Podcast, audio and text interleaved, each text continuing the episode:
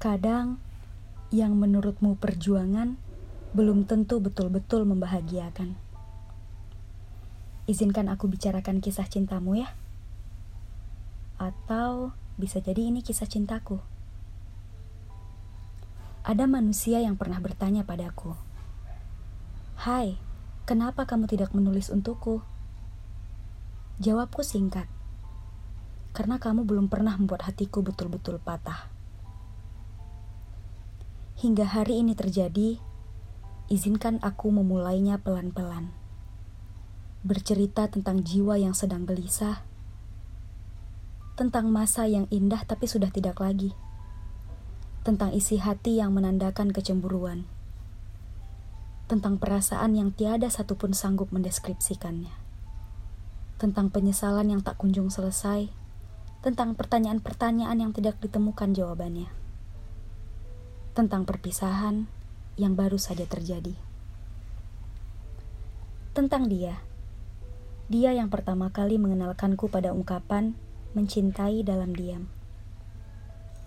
Sejak awal kenal, rasanya hampir setiap hari bahagia hinggap di hidupku yang malang ini. Bahkan, sebelum mentari muncul menandakan pagi, aroma tubuhnya sudah menyengat hidung kecilku aroma akar tanaman yang basah, menyegarkan sekali. Aku sapa dia dengan seorang, kamu. Kamu itu hanya angan yang sesekali bisa kugapai, tapi lebih seringnya nihil. Kadang aku benci kamu. Kamu sering pura-pura tidak tahu bahwa ada aku yang sedang berjuang dalam perasaan. Aku berjuang juga, bukan hanya kamu. Aku kesal di saat kamu menyeretku pada bahasan yang sama sekali tidak kusenangi.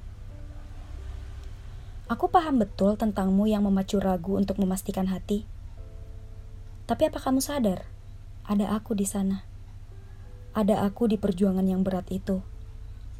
Tapi kenapa sering kali aku seperti hembusan angin? Kamu mengabaikanku. Selalu. Menjadi kamu barangkali tidak mudah, aku tahu aktivitasmu banyak, kesibukanmu menumpuk. Tapi cobalah sesekali. Lihat aku. Kamu menutupku dengan ego yang selalu kamu pupuk sampai aku benar-benar tenggelam. Kamu perlahan menyeretku dalam hidupmu, membawaku merasakan nadi yang selalu berdetak dan darah yang selalu mengalir.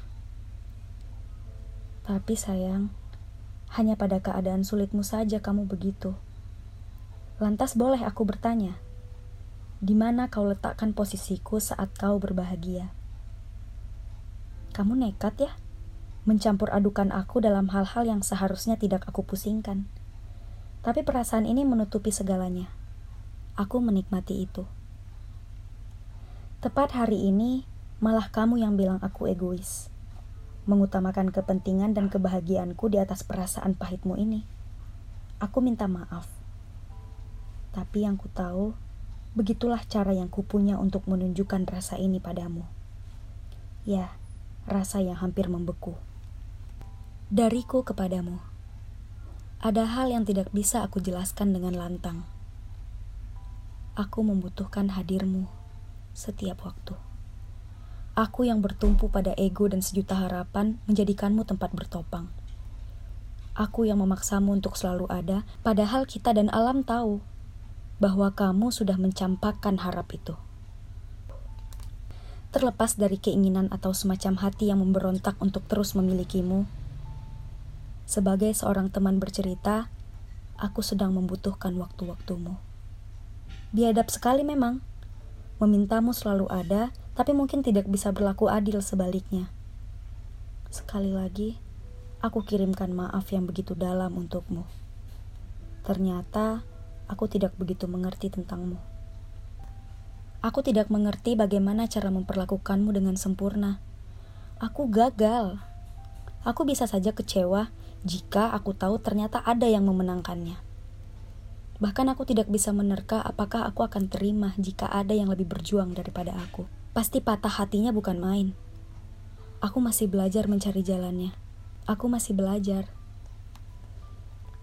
Hari ini, jika memang bukan lagi tentang perasaan singkat yang kamu bilang, Ya sudahlah, kita akhiri saja. Ini akan menjadi hal terkenang dalam hidupku. Terima kasih banyak atas waktu-waktu terbaikmu untukku. Selama ini, hingga sejauh ini. Kamu mengerti tentang manusia lemah yang berjalan pelan saja sudah tidak sanggup. Ia sedang menarik napas panjangnya dengan langkah yang berputuskan asa. Ya, dialah aku. Sampaikanlah semuanya. Katakan, buktinya manusia itu sudah siapkan dirinya menerima apa pun ucapanmu. Tapi boleh ia memohon, tidak dengan bahasa yang keras.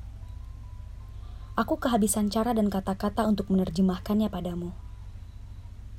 Pada awal April ini, coba tanya hatimu sekali lagi, sebelum engkau benar-benar pergi. Jika kau tanya padaku, ragaku bisa, tapi hatiku tak terima.